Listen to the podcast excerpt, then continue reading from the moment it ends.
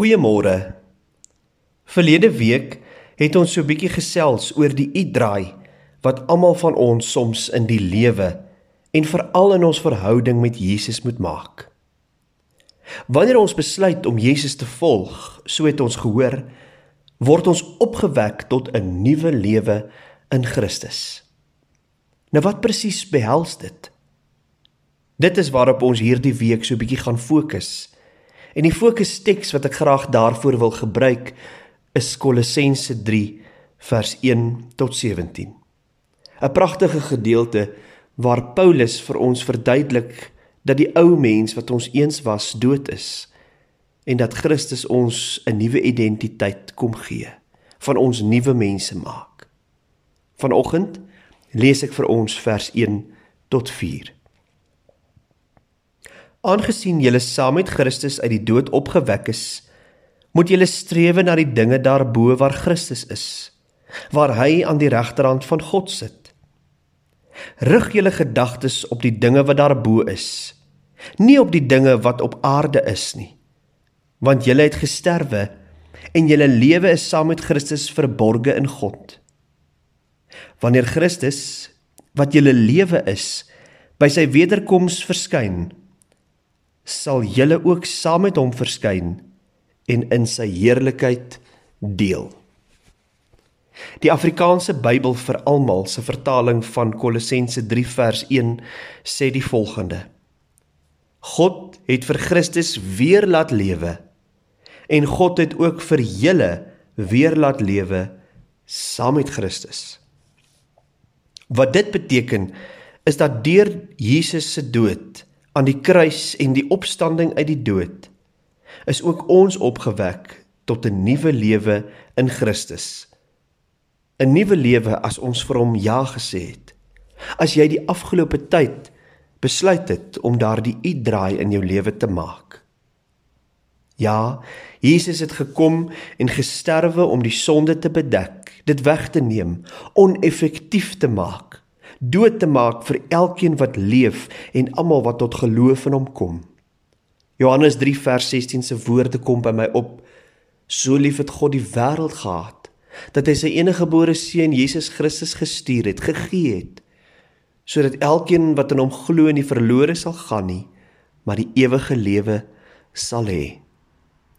En dit my liewe vriend, vriendin, is ons, ek en jy En as ons ons lewens vir hom gee en besluit om hom te volg, dan kry ons 'n nuwe lewe in hom. Daarom praat al die apostels, maar veral Paulus in die verlede tyd as hy praat oor die lewe wat ons vroeër gelei het. Ons ou sondige lewe voordat die gees van God gekom het en ons oortuig het van 'n heeltemal 'n ander bestaan. In Romeine 5 vers 8 sê Paulus: "Maar God bewys sy liefde vir ons juis hierin dat Christus vir ons gesterf het toe ons nog hoor mooi sondaars was." Verlede tyd. Ons is dit nie meer nie. Hier is twee gedagtes om jou te help verstaan wat 'n nuwe lewe in Christus behels. Nommer 1. As ons ja sê vir Jesus, is ons ou lewe verby, nie waar nie? Dis nog wat Paulus in Kolossense 3 en op vele ander plekke probeer verduidelik. Wel, nie altyd nie. Dit wat ons van nature doen, is die dinge waarmee ons vertroud is en dis 'n staat van wees waarin ons telkens weer sal terugval. Dit leer die gereformeerde belydenisse vir ons. Ons emosies is dikwels ingestel op die tydelike vreugde en begeertes van die lewe, ons tydelike aardse bestaan. Tog het God vir ons soveel meer in gedagte. Dis wat hy in Jesus Christus vir ons kom bewerk het, kom skenk het, kom gee het. Ons moet egter verstaan dat ons ons deel moet doen en ons oë op Jesus gerig moet hou sodat die laste en die stryd in hierdie wêreld ons nie gedurig van ons nuwe lewe in hom kom beroof nie. In Romeine 12 vers 2 staan daar: Laat God julle verander deur julle denke te vernuwe. Dan sal julle ook kan onderskei wat die wil van God is, wat vir hom goed en aanneemlik en volmaak is. So verskuif jou fokus en laat God toe om jou te begin verander. Rig jou gedagtes op dit wat daarbo is. Kolossense 3 vers 2. Nommer 2. Maak hom jou lewe. Die eerste gedeelte van Kolossense 3 vers 4 sê wanneer Christus wat ons lewe is weer verskyn. Christus wat ons lewe is. Te dikwels is dit nie waar van ons nie. Jesus is dalk 'n deel van ons lewens, maar hy is nie ons lewe nie. Uiteindelik vra ons Jesus om ons verlosser te wees wat ons toelaat om die ewige lewe by hom deur te bring. Maar ons is nie heeltemal seker of hy ons Here moet wees in elke aspek van ons lewe op aarde nie. Hy woon net in 'n gedeelte van ons gedagtes, maar ons laat hom nie toe om Here te wees oor al ons gedagtes nie. Hy vorm deel van 'n brokkie van ons dag, maar ons laat hom nie toe om Here oor ons hele dag te wees nie. Ons nooi hom om deel te wees van sommige van ons besluite, maar baie van ons besluite neem ons steeds op ons eie. Ons mag dalk dink omdat ons Christene is, ons bonatuurlik verander is tot hierdie nuwe mense.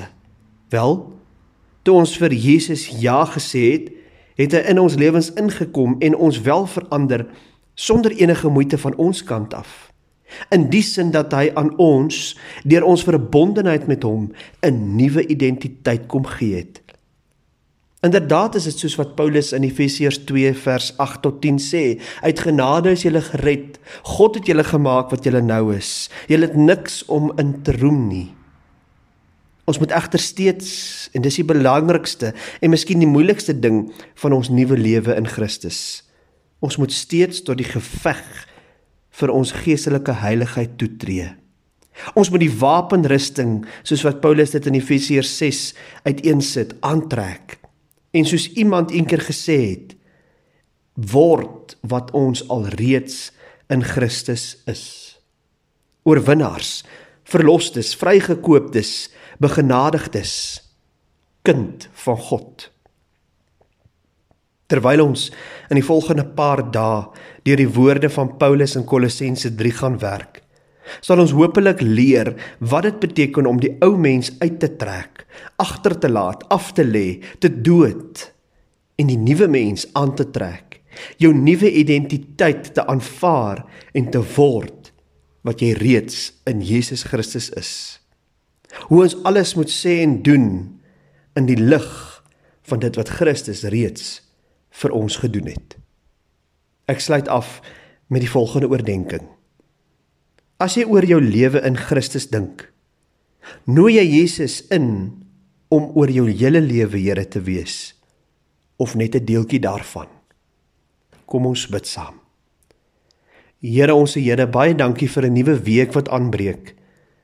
Help vir ons om in hierdie week vir U, ons Here, ons meester, die een wat aan ons 'n nuwe identiteit kom gee het, toe te laat om ook Here oor elke donker klein hoekie in ons lewe te wees. Om Here van elke dag in hierdie nuwe week te wees. In Jesus naam alleen bid ons dit. Amen.